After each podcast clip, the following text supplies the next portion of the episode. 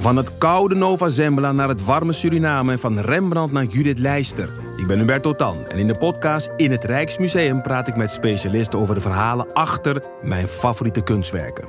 Nieuwsgierig? Beluister nu de nieuwe afleveringen. Hoi luisteraar, wij zijn Hugo, Max en Leon van de Grote Podcastlas. Wij zijn drie geografen en elke week behandelen wij een ander land. We bespreken onder andere de geschiedenis, politiek, natuur, maar ook de sport, de muziek en natuurlijk het eten. De nijlpaarden van Pablo Escobar, de vele bunkers van Albanië en het verschil tussen een sheik en een emir zijn zomaar wat voorbeelden die langskomen. Maar we bespreken ook de geopolitieke invloed van China in Afrika en de impact van het Europese kolonialisme. Luister dus wekelijks naar de audioversie van de Atlas, de grote podcastlas. Fijn dat je luistert naar Boeken FM, de literaire podcast van De Groene Amsterdammer en Das Mag. Wil je nooit meer een aflevering van ons missen? Neem dan een abonnement op ons in jouw podcast-app. Zo ben je als eerste op de hoogte als wij weer wat nieuws te vertellen hebben. Wij doen ook vreugdedansjes als we een mooie recensie of gouden sterren van jullie krijgen in jouw podcast-app. En je helpt je medemens omdat wij dan ook beter zichtbaar zijn in hun podcast-apps. Zit je met een vraag of heb je opbouwende kritiek voor ons? Mail dan naar boekenfm.dasmag.nl.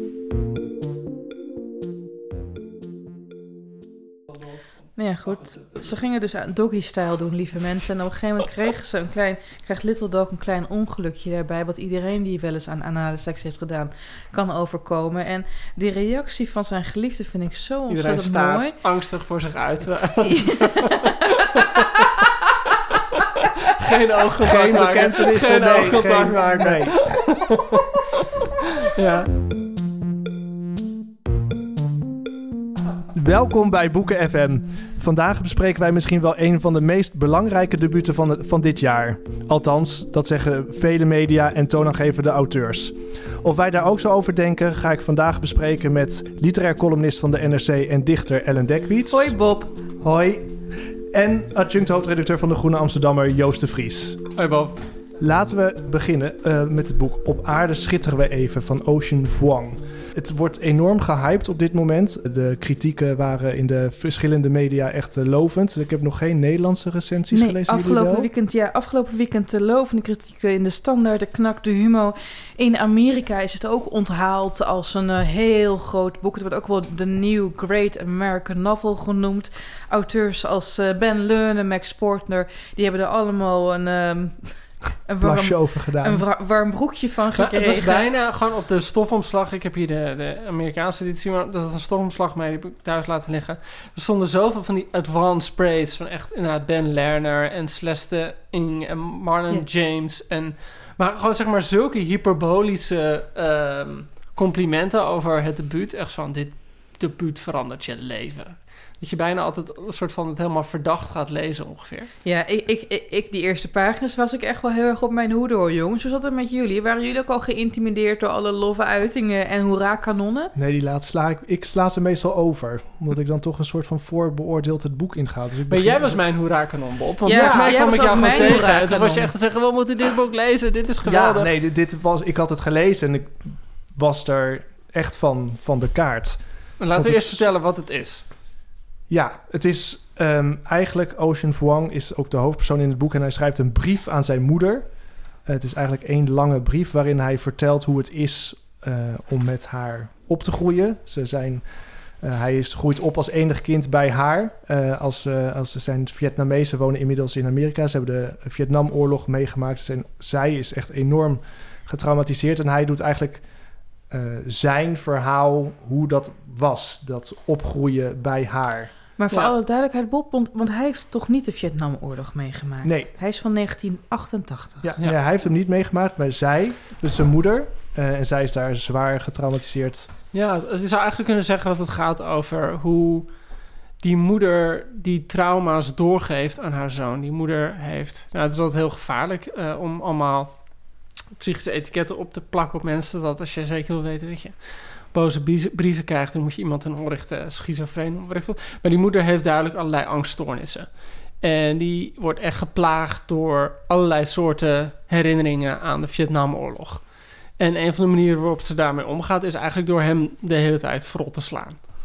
Ik bedoel, zo begint het Ja. boek toch wel echt. Dat het gewoon een, een hele lange lijst is van hoe ze achter hem aan zit en hoe ze hem slaat. En hoe hij ermee omgaat. Het is echt een soort opsomming van momenten waarop hij door haar geslagen wordt. Ja, er wordt zoveel geslaagd. Het is eigenlijk een soort Fifty Shades of Grey, maar dan zonder contracten. Ja, en tot het moment dat hij een keer zegt: stop. Dat vond ik wel al een van de eerste eh, mooie momenten in het boek. Hij zegt op een gegeven moment: stop, sla me niet meer. Ja. En dan stopt het ook. In zekere zin. Ja, Het, ja, het gek genoeg, dat deed me denken aan... Dat is altijd een van mijn ehm, lievelingsschrijvers... die ik altijd de hele dag aan het pluggen ben. Edward St. Alban. Die heeft een aantal boeken geschreven, heel autobiografisch... over hoe die eh, misbruikt werd door zijn vader onder andere. En het hield ook op doordat hij gewoon een keer tegen zijn vader zei... hou nou op. En dat, dat vond ik in dit boek ook heel mooi zitten. Dat blijkbaar is er zo'n moment dat als je dan je ouder... Dat zal vast niet voor iedereen gelden hoor, maar in deze boeken, dat deed één demme. Dat het is gewoon zo'n moment dat hij zijn moeder aanspreekt op wat ze doet. ja. En omdat hij er zo nadrukkelijk aanspreekt, kan zij niet meer het met een mantel der liefde of eh, zeg maar van oh, dit is gewoon iets dat uit de hand loopt. Nee, hij spreekt er echt op aan. Daardoor kan zij er ook niet meer om me heen.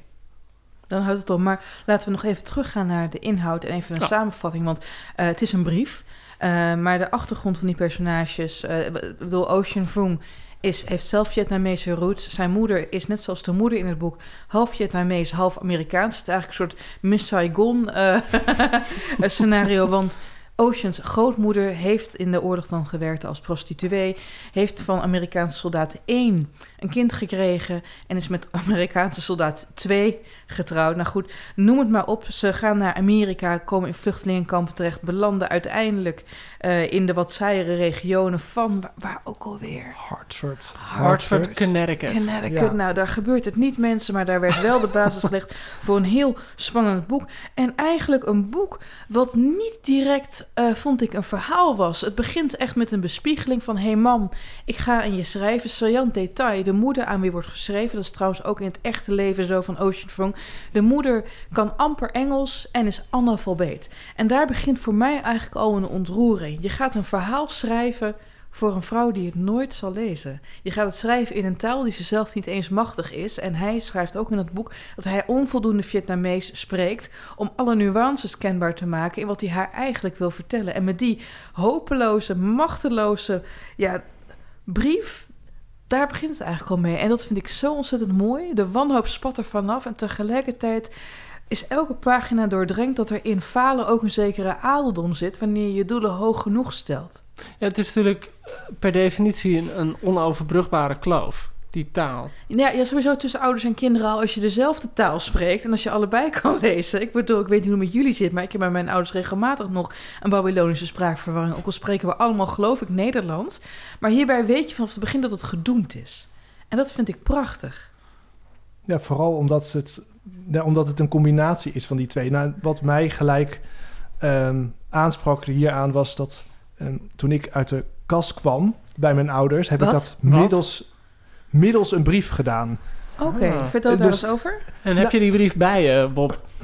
Ja, die heb ik altijd in mijn achterzak als herinnering aan Tatoeëerd die... op ja, je rug. op je- Ja, toch ja. getatoeëerd op mijn rug als, aan die, als herinnering aan die moeilijke tijd. Nee, het, ik kon geen woorden vinden om het eh, aan mijn ouders te vertellen. Net zoals misschien het moment dat je je zoekt naar het moment... dat je het voor jezelf geaccepteerd hebt... en dat je denkt, en nu moet ik het de wereld in. Dus dat, dat moment zit ook in het boek als het personage het aan zijn moeder gaat vertellen... van mam, ik val niet op meisjes, maar op jongens. En voor mij was de enige manier om het aan mijn ouders te vertellen... middels een brief. En hoe oud was je toen dat gebeurde? 17. En hoe Ja. reageerden ze? Nou ja, ze wisten het al lang. Ze hadden het ook al lang en breed aan me gevraagd. Maar ik had het altijd ontkend. Maar op dat moment voelde dat als de juiste manier. Ik had die brief op tafel gelegd. Ik begon de brief met: Ik ga een dag weg. Als ik vanavond terugkom, dan kunnen we het erover hebben. En het is Ah. eigenlijk nooit een issue geweest. Maar dat, ik, ik Je herkende kwam thuis, ze zaten gewoon op de bank naar we hebben gewoon een bier, door te kijken. gedronken. En, zeiden- eh, het was allemaal... niet doorheen eh, praten, nee, het is- zeiden ze. Nee, het is, eh, nooit een, het is verder nooit een issue geweest. Maar dat herkende ik gewoon heel erg. Dat ontroerde mij heel erg. Dat ik zo goed kan begrijpen dat je je ouders een brief schrijft om iets belangrijks van je af te schrijven. En wat, en wat is dan het belangrijke, jongens, wat Ocean Vuong hier van zich afschrijft, volgens jullie? Want, want eh, en nog heel ver terug, hè, want de luisteraar die die boek nog niet heeft gelezen... eh, we, zullen zo meteen een lofrede denk gaan afsteken... en een paar kanttekeningen gaan plaatsen. Maar het boek komt, wat mij betreft, heel langzaam op gang. En het is aanvankelijk, denk je, het is een brief... Dan denk je een paar pagina's lang, het is een levensverhaal. En dan wordt het een bespiegeling over taal. En Ja. het duurde voor mij best wel even voor ik erin kwam. Ik denk van, welke kant ga je op, Ocean? En eh, Ocean die vertelt hier over hoe hij opgroeit in Amerika. Hoe het is om een ander te zijn. Hoe het is om een queer identity te hebben. Hij heeft heel veel dingen waardoor hij weet dat hij in het standaard Amerika niet meteen super welkom is. En voor mij kreeg het verhaal pas echt vaart en vleugels toen hij zijn eerste grote liefde tegenkwam. Ja. Was dat voor jou ook zo, Joost? Dat, Dat, dat ik dat, dat, nee, dat, dat, dat, dat, dat, het Nee, moment ik ben was... het helemaal met, met Ellen eens. Het begint, eh, het duurt een tijd voordat je erin zit. En zeker als hij nog heel jong is ehm, en ook weinig kan, dan kan hij ook heel weinig meer dan... Niet dat het echt chronologische leven nou vertelt hoor. Maar een aantal van die eerste hoofdstukken beschrijft echt dat hij jong is... en dat hij eigenlijk niet veel meer kan dan eigenlijk die moeder observeren... en haar niet begrijpen. En tegelijkertijd voelt hij heel erg aan wat er aan de hand is. Hij snapt haar taal, denk ik ook wel. Ze heeft heel veel van die bepaalde oorlogsmetaforen. De hele die helikopters die terugkomen.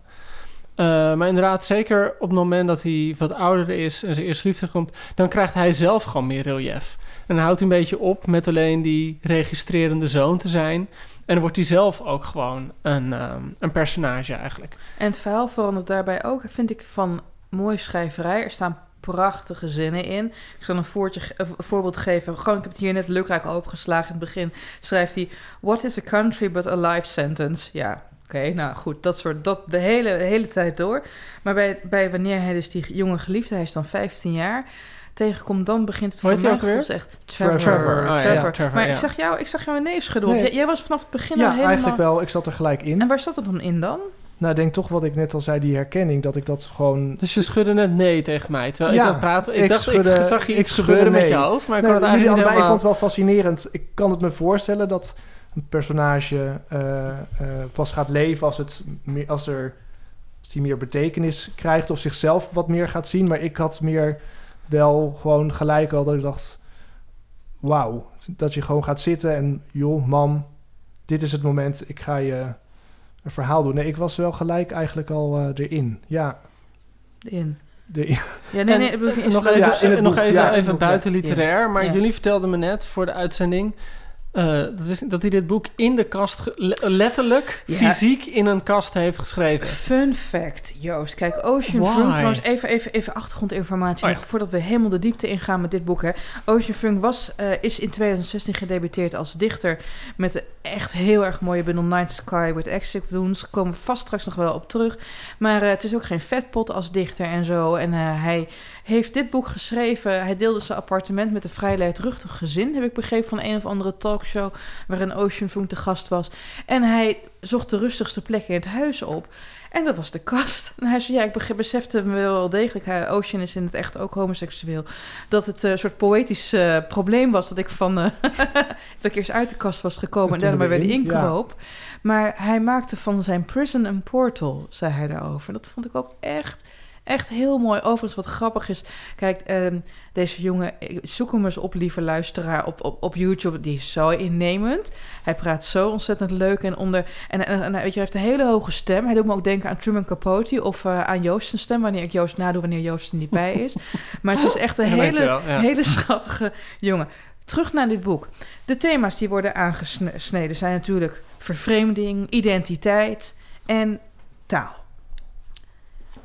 Wat wil je daarover kwijt, Ellen? Taal, dat is misschien wel een interessante... Nou, dat was eigenlijk... Kijk, laten we hebben... Kijk, di- dit boek is in kern natuurlijk een getuigenis. Heb je hem in het Engels gelezen of in, In het Nederlands? Engels, ja. Het is een getuigenis van hoe het is om een immigrant te zijn in Amerika. Het is een getuigenis van hoe het is om white trash te zijn. Hij, hij beschrijft heel erg de zelfkant. Ja, heel erg. Het klein arme dorpje. milieu. En Het de, arme de milieu. kleine appartementen, de drugs. En eh, eh, op een gegeven moment bekroop mij daarbij wel trouwens het gevoel... ik weet niet of jullie de zomergasten hebben gezien met Maxime Februari... maar die beschrijft op een gegeven moment het fenomeen... dat de mensen altijd ain't it awful wil zeggen over iets dat heel erg is... dan kan je met z'n allen lekker zeggen hoe erg het is. En in de momenten waarop Ocean Vuong die zelfkant van het Amerikaanse platteland beschrijft... weet je, hoe verslaafd iedereen is, hoe iedereen aan de tering gaat... Daar had ik eigenlijk helemaal eh, niks mee. En het komt niet dat ik me niet kan inleven. Ik kom uit Twente. Daar sterft iedereen met een naald in zijn arm. Maar het was meer dat het gewoon eigenlijk ja, vrij voor de hand liggende beelden waren. Ik vond ook meer tearjerkers om de tearjerkers. En dit boek had het voor mij ook echt niet nodig gehad. begrijp wat je bedoelt. Maar ja, goed. eh, ik, ik snap ook dat hij daar niet omheen kan, zeg maar. Bedoel, dit is gewoon wat het is. Dus denk ik meer dat het een soort van... Wat, wat, wat mij stak, of stak, wat, me, wat ik er gewoon interessant aan vond... was dat eigenlijk iedereen met verhalen rondloopt... waar de rest niet op zit te wachten. Op een bepaalde manier zit de zoon niet te wachten op de trauma's van zijn moeder. Zoals die moeder eigenlijk weer helemaal opgeschoopt zit... met het gedrag van haar moeder. Eh, ze komen aan, of, of die moeder komt aan in ieder geval in Amerika, in een land dat net een vreselijke oorlog eigenlijk heeft verloren in Vietnam. Eigenlijk ook niet per se op die immigranten zit te wachten. Eh, ze leven daar als, met, een, met een enorme bagage, als, eh als Vietnamezen, eh, met een enorme achtergrond, culturele achtergrond, waar het land ook niet op zit te wachten. Dus zijn eigenlijk allemaal mensen die verhalen met zich meedragen die niet gewend zijn. En vervolgens kunnen ze die verhalen ook niet aan elkaar kwijt. Eh, dus je hebt natuurlijk die moeder die eigenlijk niet weet hoe ze over haar eigen emoties kan praten, die dat gewoon doet door te slaan. Eh, dan zit er een soort taalprobleem in natuurlijk tussen die moeder en de rest van de wereld. En eigenlijk ook in toenemende mate tussen die moeder en haar zoon. Die zoon zit met zijn eigen gevoelens, zijn eigen seksuele geaardheid, waar hij ook geen raad mee weet. Dus iedereen loopt met een soort van emotionele bagage mee. Allemaal hebben ze tasjes bij zich met hun trauma's en gevoelens. En die kunnen ze niet kwijt. Nee, want ze, ze ontberen de middelen, de taal, Ja. Om het te kunnen verwoorden en dus ook verwerken.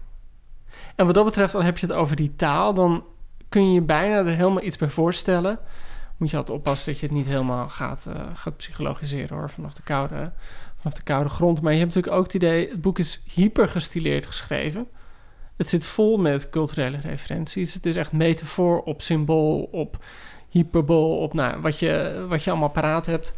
Ehm, dus het voelt voor mij heel erg aan als iemand die echt die taal zich eigen heeft gemaakt en daar ja, gewoon die snoeppot van de taal tot op de laatste eh toffe even leegwerken. En vond je het dan geforceerd? Werd het op een gegeven moment, ging het je storen tijdens het lezen? Ja, dan kom je nu dus, zeg maar, wat, wat denk ik mijn grootste bezwaar is. Ik vond het echt eh zo nu en dan overwritten. Dat ik echt dacht, je mag soms gewoon ook wel gewoon even niet... Weet je wel, de lucht mag ook gewoon de lucht zijn. En er mag ook gewoon een vogel voorbij vliegen... zonder dat het meteen als een soort van... of vlinders heeft dit geloof ik dat over... zonder dat het een metafoor is. Dus ik vond het door die taal af en toe wel heel stroef worden. Ja, dat, eh, dat, Het, dat- het is zeg maar de hele tijd hetzelfde register. Het zit gewoon up there. ja. Nee, maar aan de andere kant, het maakt prachtige zinnen en bespiegelingen Absoluut. mogelijk. Wat mij eh, eerder dwars zat en, en kijk, eh, ehm, waardoor ik echt op een gegeven moment het boek weg wilde leggen. Terwijl ik het uiteindelijk, ik bedoel, spoiler, heel enthousiast ben over dit boek. Maar ik heb een paar keer gehad dat ik dacht, oh kak, zal ik echt een kokenwekker zetten, nog even een half uur doorlezen, dekkie. Dan mag je een beetje een snoepje bakken of zoiets. En ik had het op een gegeven moment echt dat idee, heet het altijd over de taal. Weet je wel, en de taal vooral als object van de spinnen kropen als komma's over de muur. Er waren geen woorden meer. Of mijn vader was een klein woord waar ik hem niet kon plaatsen. En de hele taal als een metafoor voor de ontoereikendheid van taal. Ik vond het zo goedkoop op een gegeven moment. En dat kom je heel vaak bij de buurten tegen. En af en toe is elegant, maar dit was voor mij zo'n vind het ook overkill. heel vaak in, in- bij, bij poëzie kom je het ook te vaak tegen. Ja, dat dan misschien, gaat, dat het misschien dan gaat, is dat mijn probleem, want ik lees Ja. te veel debutantenpoëzie. dan gaat het over de taal. God. Het gedicht gaat dan over de taal van het gedicht. Dat ik echt denk, ja, maar ja, oké, ik Ik- snap het. Ik heb het nu, ik heb bijvoorbeeld in de kantlijnen, ik weet je wel, vanaf pagina 200 werd het even echt turbo veel over de taal. Dat je denkt, ja, die man heet Lacan, die man is lang dood en terecht. Ik heb hier in de kantlijn dingen geschreven, bla bla. Ja, taal is een constructie. Bla bla. Oh ja, een pupil is ook een zwart puntje en heeft te maken met interpunctie. Bla. Ik was daar op een gegeven moment helemaal klaar mee. Zo grappig, want ik heb dat bij Ja. heel veel boeken ook altijd. Maar Ja. ik heb dat bij dit boek echt geen seconde gehad. Het heeft me echt geen seconde gestoord. Oké, oké, oké. en ik kan niet zo goed uitleggen misschien waarom. Want ik snap jullie ook. Maar Ja. ehm, ik heb hier bijvoorbeeld... Ik heb hem in het, eerst in het Engels en daarna in het Nederlands. Ik dacht misschien... Want het is zo persoonlijk dat er in het Nederlands misschien nog wel wat verloren zou gaan. Ja. Dus dat leek me wel interessant. Maar eh, de, de binnenkant van zijn wang, waar het vlees het zacht was, smaakte naar kaneelkauwgom. Dat, ik vond dat, ja, het heeft dat... Het is, bij anderen zou ik zeggen, het is mierzoet. Mhm. Laat het weg, waar slaat het op? Maar hier vond ik het... Ik vond het wel iets aandoenlijks. Die jongens die elkaar aan het ontdekken zijn, die bij op zichzelf enorm aan het ontdekken zijn. Ja, het heeft me eigenlijk eh, geen seconde gestoord, dat soort. Ik vond het Dingen. duurdoenerij en het, eh, eh, en het had voor mij echt totaal weggekund. En eh, kijk, dit is natuurlijk niet redactie FM, het is boeken FM. Ja, oké. Maar, maar kijk, maar dit zijn eigenlijk voetnoten bij wat ik verder echt heel mooi vond. Maar goed, ja, dat is Ja. dus dat overwritten. Dat me bij een beetje, op een gegeven moment beschrijft hij dat hij ehm, een vlinder ziet. En dan doet de vleugel van de vlinder doet hem denken aan het... eh, eh, hoe noem je dat nou? Ezelsoor. Sorry, ik kan niet op het woord Oh komen. het ezelsoor van een boek. En dan niet zomaar het boek. Het doet denken aan een ezelsoor van een boek van Toni Morrison. Dat hij zo vaak heeft gelezen. Dat het ezelsoor loskwam. En dan is Toni Morrison geweldig. Echt denk ja... Vond ik wel heel... eh, Ik weet niet. Soms is het een beetje gezocht. Wat niet wegneemt is dat je denk ik... En dat, ik bedoel, dat is wel echt de waarde van dit boek. En ook wel de, de unieke klas van het boek. Dat je dit boek eigenlijk op een willekeurige bladzijde kan openslaan. Even naar de pagina kijken. En je komt wel één of twee mooie zinnen tegen. Ja, tegenover elke tenenkrommende, overdreven uit de bocht gevlogen metafoor staan er tien die wel raak zijn. En tegenover elke endeldarmkramp veroorzakende taalobservatie heb je weer prachtige beelden hoe jonge liefde werd. Hoe een, intergenerationele dynamiek, een heel jong een gezin helemaal uit elkaar rukt. En nee, goed, kijk, we hebben het nu even gehad over wat we er minder, althans, ja, wat Joost en ik er dan minder aan vo- vonden, Bob. Want jij hebt nog steeds de confetti kanon je aan het laten afgaan voor deze roman. Ehm, wat, wat, wat spreekt hier uit? Want kijk, als je dit boek... ehm, je kan helemaal betoverd worden door die taal. Het is haast een soort chloroform van schoonheid, van stilisme. Eh, af en toe bekroop mij ook, tot ik eigenlijk het slot las... een klein beetje het gevoel dat het ook gebakken lucht was. Dat het een kostuumdrama was met wat lege personages... maar omdat de zijde zo mooi geweven was... en de pareltjes zo mooi geknoopt waren bij de polsen... kwam het ermee weg. Ik weet niet hoe jullie dat hadden. Hadden jullie het gevoel? Ik vond oh, op een zeker moment was het geklets om leegte heen. Uiteindelijk maakt het einde het allemaal goed. Maar je moest wel kunnen doortrekken bij dit boek. Oh, dat is even Ja. ja. jou, Bob. Ja. Bob? Ja. Ja, Ja, ik, het is zo, ik vind het zo grappig dat ze het zo anders gelezen. Ik heb dit ook, ja, het, ik heb het in één ruk uitgelezen. En vooral omdat het zo, ik vond het beklemmend. Ik ben best wel een fysieke lezer. Ik voel eh, dingen echt. Nee, ja, dit is een van de weinige boeken waar ik op een gegeven moment bij een bepaalde scène eh, ook echt een soort van op. Ik werd echt op, een soort gevoel van opgewondenheid, wat ik in de literatuur eigenlijk niet zo vaak. En nu ben- je eigen in graf heel boos? Of, ja, dit had je niet moeten zeggen, ja, Bob. daarom Bob.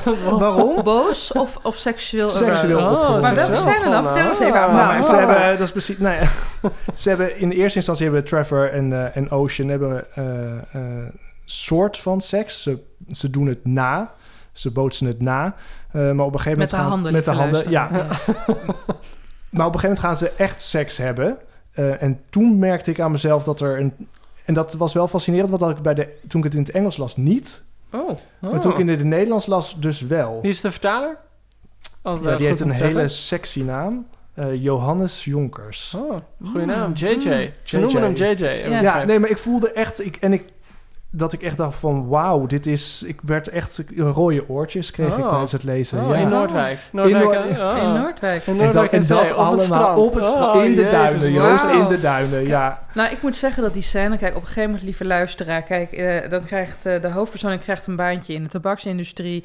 En die zit dan in de zomer zit hij, tabaksindustrie. zit hij in een barn. Ja. In een, in een schuurtje regent het lekker. En dan zit hij met zijn geliefde. En zijn geliefde legt hem op een gegeven moment op zijn buik. En dan gaat het toch echt van komen.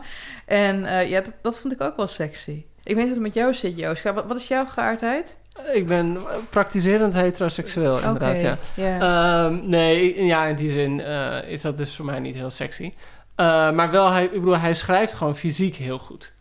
En hij weet in al die scènes, weet hij gewoon met redelijk unieke eh, observaties en details te komen. Dus het, het, het voelt absoluut niet aan als platte seks of zo.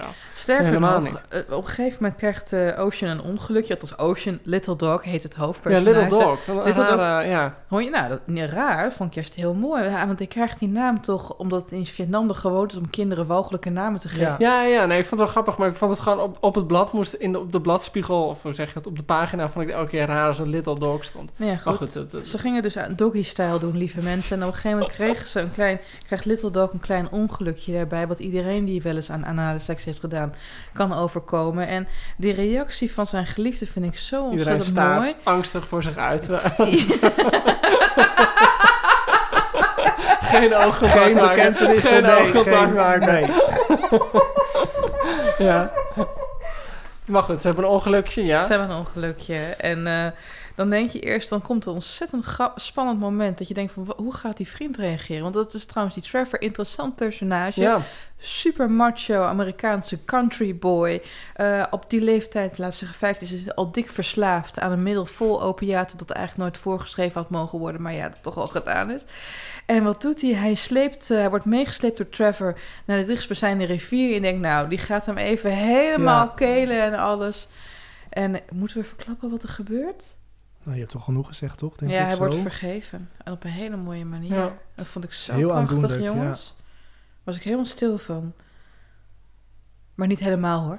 Dus, en, en dat soort dingen maakt, dat soort scènes, die tederheid tussen die jongens die tegelijk bang zijn en stoer. En die Trevor, die, je denkt geen dat hij gewoon de hele tijd wil zeggen van... ja, ik, ben, ik doe wel aan homoseks, maar ik ben geen homo. En Ja, zich daar ja, langzamerhand bij neerlegt. En hij, dat zegt maakt dat op een gegeven, hij zegt dat op een gegeven moment toch ook. Van of dat hij zegt van ben ik nu homo of Ja, ik wil dit niet. Of dat is wel. eh, en dat, en dat is ook zoiets herkenbaars. Ik denk dat heel veel eh, jonge eh, homo's of, Of biseksuelen, dat moment hebben van Ja. shit, dit.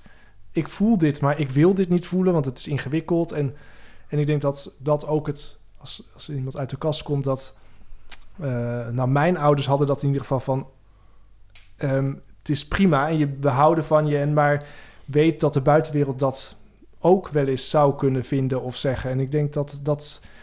Ja, ik, ik vind het, het ja, heel veel herkenning in. ja wat, wat ik heel mooi vond, of tenminste, dat deed me denken aan... Heb je Flesh and Blood gelezen van Michael Cunningham? Nee. Dat, dat, Michael Cunningham is sowieso een geniale schrijver. En eh, voor mij wat is dat betreft zijn beste boek. En die schrijft natuurlijk ook altijd, bijna altijd over... Gek genoeg schrijft hij heel vaak over mannen die hetero zijn... en dan toch opeens met een man in bed belanden. Ja, die zijn er heel veel. Ehm, en dan Oh, beschrijft hij dus in Flesh and Blood... is een hele mooie scène. Dat, het gaat over een familie in een van die... eh, eh, een van die zoons is homo... en die neemt op een gegeven moment een man mee naar huis... en dan prima. En dan de volgende ochtend zegt die man... oh, van eh, trouwens, ik ga gewoon trouwen binnenkort. Eh, ja, dus je moet niet denken dat ik een of andere flikker ben of zo, Net weet je wel. zoals Net zoals jij, zo ben ik. En opeens heel agressief wordt. Uit een soort van, ik weet niet of hij dan een soort van schaamte van zichzelf wil overwinnen. Of hij heeft een soort van agressieve manier om iets in zichzelf te onderdrukken. Vond ik zo'n ongelooflijk pijnlijke scène. ja maar- het is ook zo, het is zo naar voor de ander ook. Want Ja. die wordt dan in één keer, Ja, eh, terwijl je al- net alles wat je hebt meegemaakt is in één keer, weg. wordt uit het, ja, dat is, wordt, eh, wordt ongedaan gemaakt. Ja. Maar hier wordt er eigenlijk maar heel even een mini-probleem van gemaakt en daarna omarmd. En daaraan deed het me ook denken aan Call Me By Your Name, jongens. Nou, oh, ik zat er dus net aan te denken. Leuk, eh, want er komt een, een vervolg van Call Me By Your Name. ja. Over een paar maanden. heb- Dus lijkt me leuk, want we hebben ooit een keer een pilot gemaakt die nooit uitgezonden is. Over Call Me By Your Name. Nou, dan gaan Dus we dat laten we deze gaan doen. Ja, dat is, zonder eh, Peter Buurman alleen. Ja, ik, Ja. ik heb hem al wel het, gele- het mogen lezen, het vervolg. Wow, Ja. Bob, Bob. jezus, jij kent ook alle connecties. Tja. Eh, maar ja, het is een, het, is een, het, het vervolg. Ik vond het een beetje een teleurstelling, als ik eerlijk ben. Spoiler! Oh, zeg dat dan Terug niet. naar dit boek, jongens. On Ah. Earth We're Briefly Nou, Gorgeous. Nou, of we gaan eerst naar de vragen. Misschien is dat een goed idee. Jezus, Bob, Jezus, Bob, dit is gewoon, wat, wat denk je nou? Dit is gewoon een middels moment. Ja, dat om op een ons totaal even niet fijn moment is gewoon eventjes... Nou, Ah. We kunnen het zo goed een podcast gaan noemen als het zo Ja. doorgaat. Beste Ellen, Joost en Bob. Top podcast hebben jullie, waarin het fijn is om een stukje in jullie gedachten over boeken en andere dingen mee te kunnen varen. Mijn vraag. In een andere versie van mijn leven zou ik zeker Nederlands hebben gestudeerd. In deze huidige versie niet. Ik heb dan ook door omstandigheden weinig klassiekers gelezen. Wat heb ik gemist? Kunnen jullie één klassieker noemen die ik niet mag missen? En wat is het voornaamste dat jullie hebben geleerd? Dank. Liz. Hi Liz, je bedoelt neem ik aan de Nederlandse taal, want je betreurt dat je eh, Nederlands eh, als studie aan je neus voorbij hebt laten gaan en toch voor bedrijfskunde bent gegaan. Nou jongens, welk Nederlands boek? Ja, weet je, ja, dan heb ik er. Ja, het is een hele stapel. Kijk, Eentje, hè, moet je Eentje? Ja, je, nou kijk, we hadden de vorige aflevering al over Frans Kellendonk, mystiek lichaam. Ook nu, ja, eigenlijk komt, is dit boek nou ook getriggerd omdat het ook een heel fysiek boek is, net zoals het boek van Ocean Vuong. Het is grappig, het is meedogenloos en teder tegelijkertijd. Het is, ja, maar aan de andere kant, kijk, weet je, er zijn zoveel onopgemerkte parels. Ehm, de 10.000 dingen van Maria Dermout. Heb je dat gelezen? Dat is een geest, geestespookroman, meets detective, meets thriller, eh, meets koloniaal probleem. Het is echt heel erg mooi. En Ja, jeetje, wat, wat mag je niet missen? Er is zo... Is, ik heb één klassieker die ik elk jaar herlees. En dat is bijna flauw, als, als je dat zegt. Omdat het zeg maar, avonden. de ultieme klassieker is. Namelijk De Aanslag van Harry Mulisch. Oh ja, over die tandarts. En dat is voor mij een boek dat ik gewoon niet inmiddels... Maar ik bedoel, soms heb je ook als je een boek of een film vaker ziet... en een boek vaker leest... dat het ook een soort van grotere betekenis bij krijgt. Maar dat is dus echt een boek dat ik niet met droge ogen kan lezen ongeveer. En dat gaat voor mij dus... Je moet dan, als je het boek leest... gaat natuurlijk over een aanslag. eh, eerst op een NSB'er, dan volgens hoe de nazi's daarop reageren in de oorlog. En dan moet je het dus niet lezen vanuit het idee van... oh, wie heeft het gedaan? Of oh, wat erg van die nazi's. Je moet gewoon alleen op de hoofdpersoon focussen... en nadenken over zijn eenzaamheid. Ik denk dat Mulisch... Dat, ik kan eigenlijk geen boek bedenken dat zo mooi over eenzaamheid gaat als de aanslag. Het is echt iemand die in zijn leven verkeerde en uit dat leven is gehaald. En daarna wat hij ook gedaan heeft met zijn studententijd, toen hij een gezin kreeg, toen hij kinderen kreeg, nooit meer een soort alsof er een glazen wand tussen hem en zijn leven is geplaatst. En dat is niet iets wat heel nadrukkelijk benoemd wordt in het boek. Het is meer het perspectief van het boek. Dus voor mij is de aanslag gewoon het ultieme boek over eenzaamheid. Maar- en als je het zo leest, dan is het...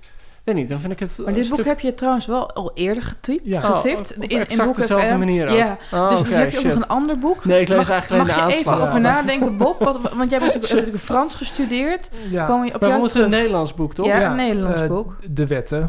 Van van Palme. Oh, ja, ook. Ja. Ja, dat lees ik, eh, herlees ik soms wel meerdere malen per jaar. Per week.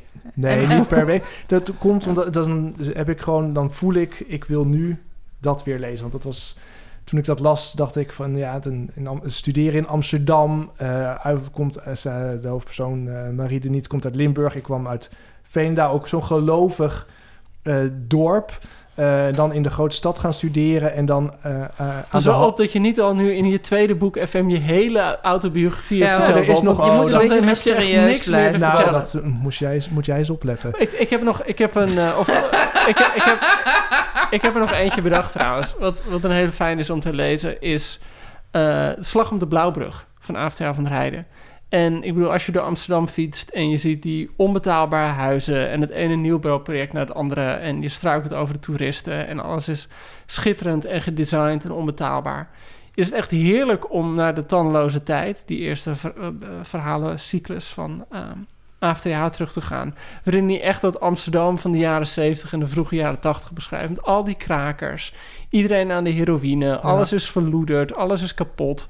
Ehm, dan heb je echt, als je dat leest, en ik, ik herlas het een tijdje terug, dat je echt met, een, ja, met andere ogen naar de stad waar je nu in leeft. Want ik bedoel, 40 jaar geleden zo, ja, dat is al best lang geleden. Jezus, super lang geleden. Maar goed, echt een andere, een andere stad. En dan zou ik ook nog eh, rituelen van Cees Notenboom willen noemen. Ja, eh, of zes na Ja, vond je Ja. dat echt? Ja, ik hoor echt iedereen nou zo hysterisch. Een van ik mijn vond het all-time echt favorites. wel... Ik op denk, de ja, dag dat prima. op. Ja. Ja, Maar, nee, eh, echt kan ik eh, geweldig. Ja. Oké, oké. nee, Heel goed. moeilijk boek om uit te leggen.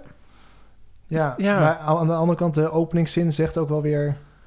Het is wel echt een goede binnenkomer. Ja, ik vind het een beetje flauw En, ja, en, ook van helemaal eh, herinneringen als een hond die gaat liggen waar Ja. hij wil. Weet je, oké, dat zijn van die klassiekers geworden. Eh, maar geweldig. Ja, Tomcat van Peter Verhelst. Als we dan toch eh, boeken mogen tippen die we al eerder hebben getipt. Bob, laten we nou gewoon uitpraten. Groot, groot feest.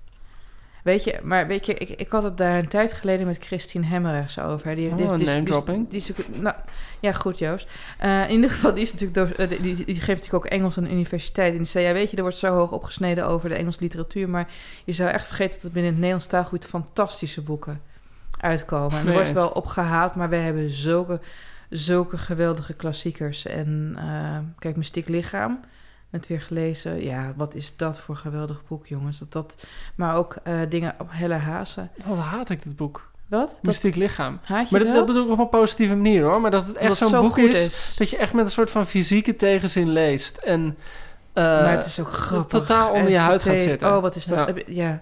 Maar ook van Helle Haas bijvoorbeeld, het Woud der Verwachting. Dat vind ik ook zo ontzettend sterk. De details en hoe ze dat hele hof tentoonspreekt... tot en met hoe het is om in ballingschap te moeten leven. Dat is ja, gewoon tour de force. En waar ik helemaal gek op ben, zijn de boeken van F. Springer. Oh Ah, ja. ja, elk, Hey. elk boek is wel hetzelfde. Gaat altijd Ja. over een soort diplomaat in het buitenland... die Ja. dan verliefd wordt op een lokale schone.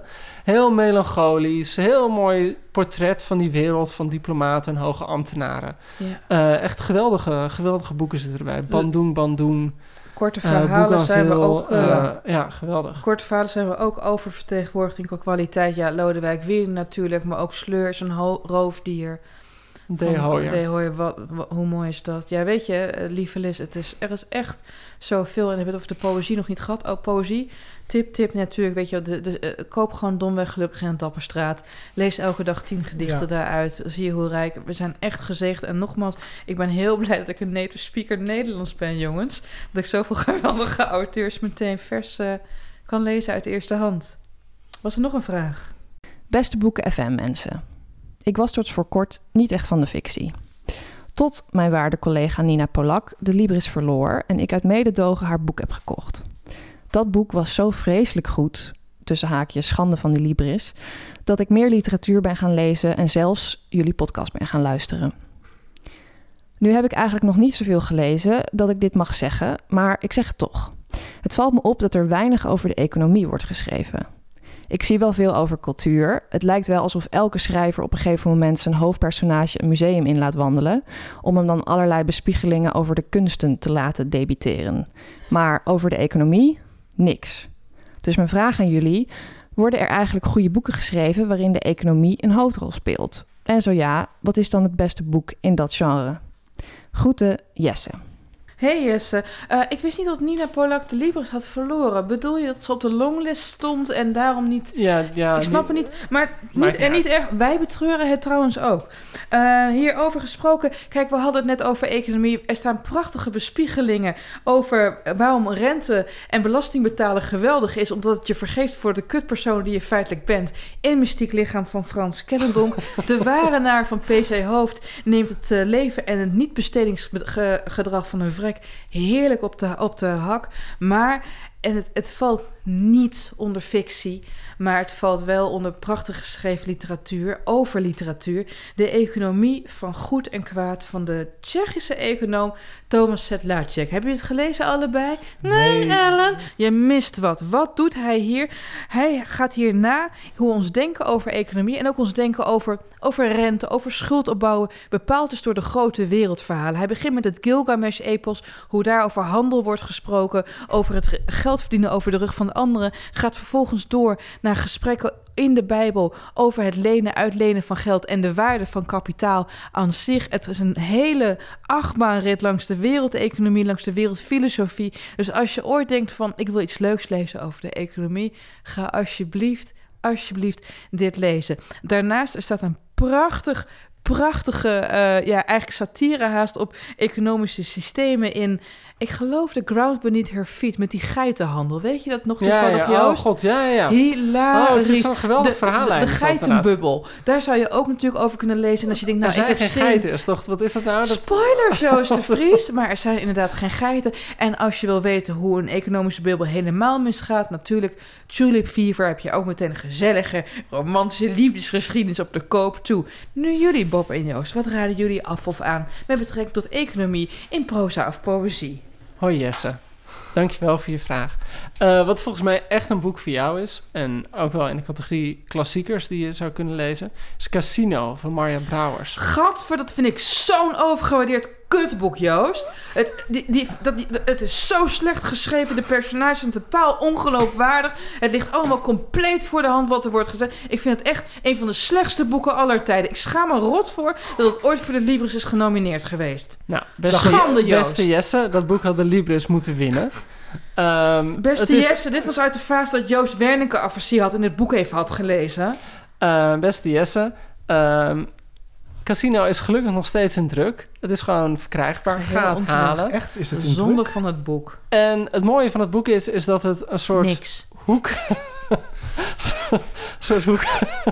Ik dacht dat je zo blij was met ons taalgebied, eh, Ellen. Ja, nou niet, niet. Ik had Eh, echt meteen is een ooghernia. Zich las. eigenlijk verzet heeft tegen de simpele good read waar Ellen naar verlangt. Ze heeft expres een hoekig ideeënboek geschreven. En het boek gaat heel erg over... De ideeën liggen zwaar voor de hand, lieve bubbel Jesse. van de jaren En 80. hoekig wil niet zeggen dat je als lezer meteen een neiging hebt om à la Oedipus de kleedspelden van je moeder op te vragen en je ogen ermee uit te steken. Ga door, Joost. Eh, het boek gaat heel erg over de jaren negentig. Eigenlijk op alle duizenden en één manieren waarop mensen geld verdienen. Er zit een hele rare verhaallijn in over een huis aan het Vondelpark... waar een huurder in zit die er maar niet uit wil. En eh, op een gekke manier gaat het daarmee heel erg over de verhoudingen van de- die vervelende huurder. Dat, die staat dan zeg maar... heeft de staat en het recht aan zijn zijde... en de ontwikkelaar, de eigenaar van het huis... die er gewoon geld mee wil verdienen. Het is voor de rest ook een heel spannend verhaal over eh, Nee. internationale eh, ja, drugshandel, denk ik, fout geld. Vet. Eh, het, gaat, het, zit een, het zit heerlijke seks zit erin. Nee, en, hoor. en heel veel hoekige- hoekige bespiegelingen op ja, eigenlijk reclame, ehm, financiële bubbels, ehm, de media. Eh, ja, het is Casino van Marja Brouwers. Ga dat lezen. Nou Jesse, kijk, over de, over de wereldeconomie zitten in de gemiddelde lezerscolumn van de Metro heldere inzichten. Maar goed, dat we zeiden... hey Bob, wat Ja. zou jij nou aanraden hiervan? Nou, ik zit te denken, ik zal niet eens op een snel op een titel kunnen komen. Ik ehm graaf, maar nee, er komt geen titel eh, boven Nou, drijven. dit was Helaas. het dan. Nou, Bob. Ja, sorry. Ja. nou Jesse. Ben ik maar even excuses Ja, aan, nou, er wordt weinig Ja. over geschreven, dus het kan kloppen dat ik het gemist heb. Maar Marja Brouwers, Casino. Ontzettend kutboek niet lezen. ik ga het wel lezen, ik ben wel nieuwsgierig. Waren er nog meer lezersvragen? Ah, En als er geen leesvragen zijn en je denkt... hey, ik heb een leuke vraag voor die leuke mensen van Boeken FM... stuur dan je lezersvragen naar... Boekenfm.dasmag.nl Bam! Terug naar Ocean Vuong. Ocean We hadden het over... Heeft iemand zijn... Heb jij zijn gedichten gelezen eigenlijk? Jazeker, en, eh en Bob die, ook. Die bundel was een enorm succes, Die ik. bundel is zo ontzettend mooi. Sterker nog, even nog over de vorm van eh, de roman. eh, on, on. Earth, on Earth We're Briefly Gorgeous. Daar zijn ook gedichten in opgenomen. Hè? Het heeft qua vorm... Het is niet alleen een brief. Er zitten ook gedichten in. En de, het verdrietige is, die gedichten in dit boek... vind ik veel slechter dan de gedichten die in zijn poëziebundel staan. Dan kan je zeggen, hoera, gelukkig maar dat in de poëziebundel de goede gedichten staan. Maar eh, ik vind het toch een beetje een gemiste kans. Nee, weet je, de gedichten hierin zijn... In, in het, de, zijn debuut heet eh, Night Sky with Exit Wounds. Won ook heel terecht de T.S. Eliot-prijs. Dat is een beetje de grote poëzieprijs van het Engels taalgebied van 2017. Ja, het gaat eigenlijk... eh, ik had deze bundel aan mijn geliefde cadeau gedaan. Die had hem gelezen en die vatte het als volgt samen. Ehm, Papa, waar ben je? Niet met volle mond praten, jongen. En dat is eigenlijk wel de spijker op de kop. Want het gaat over het mythologiseren van een vader die absent is... en tegelijkertijd het ontdekken van de eigen seksualiteit... in specifio, geaardheid. En dat doet hij prachtig. Ehm, eh, kijk, als jij niet hard werd van deze roman, Joost... ik zou de poëzie proberen... want het is echt hele mooie, elegante, spitvondige... Tedere Ik, eh, porno. ik zal het je laten weten, Ellen. Of, Ja. of het Ja. gelukt En is. waar vind je Ja. dat hij dan beter in is? is die, of kan die het gewoon, al- is het, kan die het allebei goed dichten en proza schrijven? Ik vind hem een betere dichter dan proza is, maar dat zegt niks over de kwaliteit van zijn proza. Ik vind zijn poëzie echt heel erg prachtig. Ik durf te weten dat als Marja Brouwers het leest, ze ook meteen een erectie heeft. Maar de poëzie vind ik toch iets beter dan de roman. Wat Marja vind jij? Brouwers, als je dit hoort... Groetjes van Ik- Ellen. Ik denk dat ik toch het proza... Ik vind proza denk ik mooier, omdat dat ehm, bij mij persoonlijk meer beelden oproept dan, het, eh, dan zijn poëzie deed. Maar al, ik vond zijn poëzie ook schitterend. En ik hoop Ja. ook wel zeker dat dat vertaald gaat worden. Want ik, het verdient ook een breed... Maar ja, Bob, Publiek. luister, jij was natuurlijk echt wel fan van toen je ontdekte dat het een brief was over uit de kast komen. Dus je hebt ook al een beetje een Bob Holmes-syndroom met betrekking tot dit boek. hè? Ja, misschien wel. Oh mijn god. Is dat een probleem, Ellen? Ja, misschien wel. Maar eh, laten we heel veel teruggaan naar het boek. Hè? Want kijk, we hebben het net gehad over de tabakspastoralen... met, weet je wel, blije jongetjes in het tabaksveld die elkaar bepotelen. En, dat- ja. en af en toe is het ook, um, um, wordt de zelfkant van het leven heel erg beschreven. Ik heb wel genoteerd dat ik het vond af en toe een beetje een overdreven vanitas stil leven vond. In die zin dat er heel erg wordt gehamerd op dat iedereen doodgaat. Een En op, probleem heeft. ja, niet leuk. Op, op ook Nee. geen leuke manier dood. Kijk, doodgaan is niet leuk, maar er zijn wel wat vervelender manieren en leukere manieren om te gaan. En toch eindigt het op een hele, hele, hele, hele, hele prachtige, noot. En dat wil ik eigenlijk zeggen. eh, kijk, eh, eh, soms kan het einde kan het boek redden. Hè? Ik had het met Filijnen zegt sorry van Ronald Giphart. Dat is eigenlijk één grote dat je de stijloefening en eh, hoe vervelend kan je zijn binnen 150 pagina's en door de slotuitspraak vergeef je de hoofdpersoon en de schrijver praktisch alles. Net zoals eigenlijk in de avonden hè, van Het is Gerard een heel irritante slotzin, is dat? Slotzin vind ik irritant hiervan, maar de slotscène vind ik niet irritant. Want het wordt uiteindelijk... Ik zal een kleine spoiler dan nee, nee, weggeven. sorry. Van Filijnen zegt sorry. Ik vind dat zo goed. Ja, nee, maar volgens mij onderstreept gewoon wat een vreselijk rotwijf die Filijnen is. Ja, maar tegelijkertijd dat ze niet beter kan. Dat ze echt niet anders kan. En dan maakt alles wat erin gebeurt een noodzakelijk kwaad. En tegelijkertijd een noodzakelijke viering van dat leven wat die filijnen is. Ik vond dat zo'n krachtige middelvinger. Ik vond het echt heel goed. Over krachtige middelvingers gesproken. Tussen alle porno, seksscènes en gezelligheid tussendoor... blijkt uiteindelijk dat dit boek, voor mij dan... één grote bespiegeling is op hoe het leven wordt doorgegeven... hoe trauma wordt doorgegeven. En eh, Ocean Vuong houdt heel erg de mogelijkheid van incarnatie open. Zou je dat slotstukje kunnen voorlezen misschien? Misschien is dat wel leuk om die spoiler dan wel weg te geven. Nou weet je, op het laatst... Ik, ik, ik ga hem samenvatten en een stukje voorlezen. Op het laatst, en ik verklap hier echt verder niks mee met het boek. Dat hebben we namelijk al lang gedaan, lieve luisteraar. Dus we zijn nu al veel te ver heen. Ehm, op een gegeven moment heeft Ocean het over van... wat is nou het nut over het schrijven van een lange brief aan een moeder... die niet kan lezen. En hij staat in dit boek telkens stil bij de ontzettende tijdelijkheid van levens... ook bij hoe kort wij eigenlijk leven. En hij heeft ergens, zegt hij, heb ik toch de hoop dat je sterft en incarneert... en dan dit boek leest. Dat is ijdel natuurlijk, maar hij komt er om de een of andere reden, dat is de Ocean Funk factor, komt hij daar ook gewoon mee weg. En dan heeft hij het op het laatst over hoe dieren, mensen, vlinders, kalfjes, buffels, iedereen Steeds weer diezelfde dieren. Alt, iedereen eh, eh, springt helemaal à la Lemmings en dan niet het videospel, maar de diersoort van een klif af. En toch komt het, zit daar een soort schoonheid in. En Bob, jij vroeg me om, om een stuk voor te lezen. Ik denk dat jij beter een passage in mijn hoofd hebt om te illustreren hoe mooi dat is. Wil je dat ik het slot voorlees of moet ik... Ja, Bob. Ja, dan ga ik dat gewoon even doen. Apen, elanden, koeien, honden, vlinders, buffels. Wat zouden we er niet voor geven om de verwoeste levens van dieren een menselijk verhaal te laten vertellen? Als ons leven eigenlijk het verhaal van dieren is. Waarom hebben ze me niet te pakken gekregen? Nou, omdat ik te snel was, liefje. Sommige apen zijn zo snel dat het, eerste dat het eerder geesten zijn, weet je. Ze gaan van poef. Je opent je hand in een gebaar van een kleine explosie en verdwijnen gewoon. Zonder je hoofd te bewegen kijk je naar me zoals een moeder ergens naar kijkt. Te lang. Dan begin je zomaar te lachen. Ja, heerlijk. Heeft ze verstaan of niet wat hij zei? Ik denk het wel. Misschien. Vast. Misschien. Het is zo mooi. Kijk, ook omdat al die dieren eerder in dit stuk eh, allemaal van die kliffen afrennen. En het is zo'n ontzettende. Het is, het is, het is ehm, Esther Jansma, die heeft op een gegeven moment in eh, haar essaybundel... Ik wou dat ik, of mag ik Orpheus zijn... heeft het over David en Goliath. En in de Bijbel is natuurlijk David staat tegenover Goliath... en denkt, oké, dat is een interessante situatie... en keilt hem neer. En in poëzie schrijft zij, doet David iets anders. Hij doet een dansje. En dat dansje is, eh, verslaat Goliath natuurlijk niet... maar het is wel het vieren van de bravoure waarmee wij ademhalen.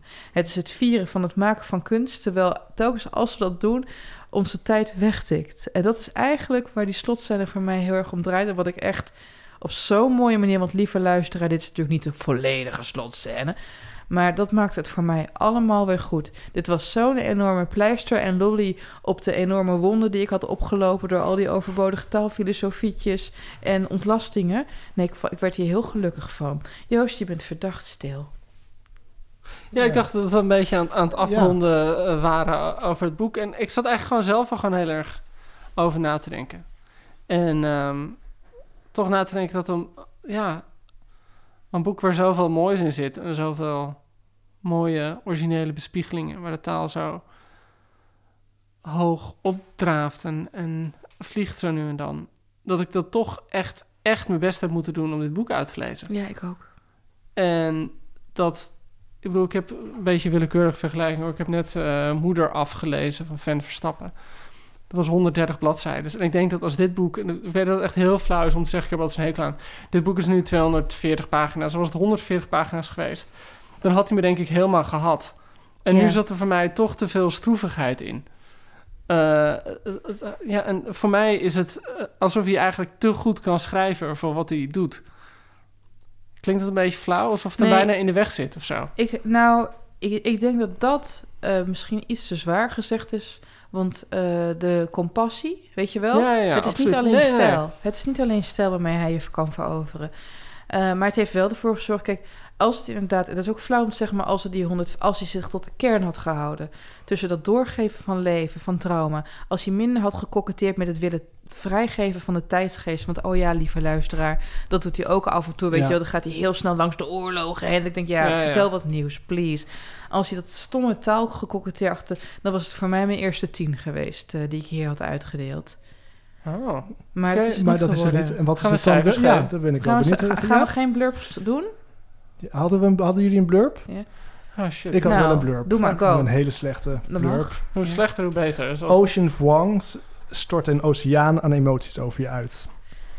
Ik had als blurb... dit doet verlangen naar Oceans 2.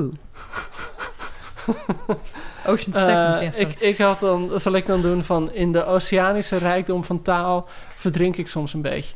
Mm, wel een mm, mooie. mm. dat vind ik wel een mooie. Ja, dat is wel Ja, positiever dan je... Over naar cijfers, lieve kinderen. Ik heb het een 8 gegeven. Ik een 9. Ik, laten we zeggen, een 7 min. En dat vind ik heel streng van mezelf, want het is wel een soort boek. En dat, vind ik, dat, is, dat is soms een van de rottige dingen van bespreken. Dat soms, dat juist boeken die heel hoogdravend zijn en heel ambitieus zijn, dat je daar kritischer naar kijkt dan Ja. boeken die gewoon simpeler Ja. zijn.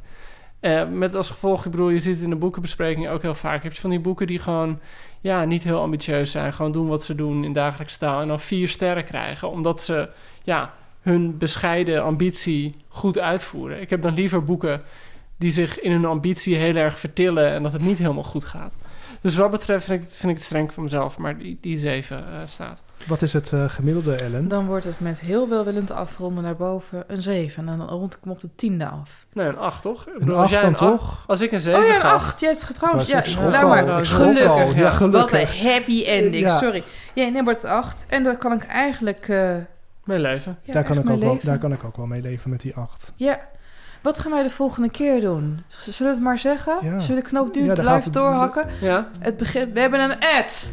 We hebben een woed. We hebben Edward! We gaan een nieuwe Margaret Edward bespreken, lieve mensen. En tussendoor, wij hebben nog een kleine prijsvraag. Joost, Vertel. give it We hebben nooit meer iets gehoord van Peter Buurman. We weten niet of hij nog leeft, of hij een enge ziekte heeft, of hij kaal is geworden, of heel dik, lachwekkend dik. Ik bedoel, hij beantwoordt ons telefoontje niet. Dus dames en heren, als jullie Peter Buurman tegen zijn gekomen, of iemand die op Peter Buurman lijkt, stuur een foto naar boekenfm.dasmag.nl .nl. en je krijgt eh, Ocean Wang opgestuurd.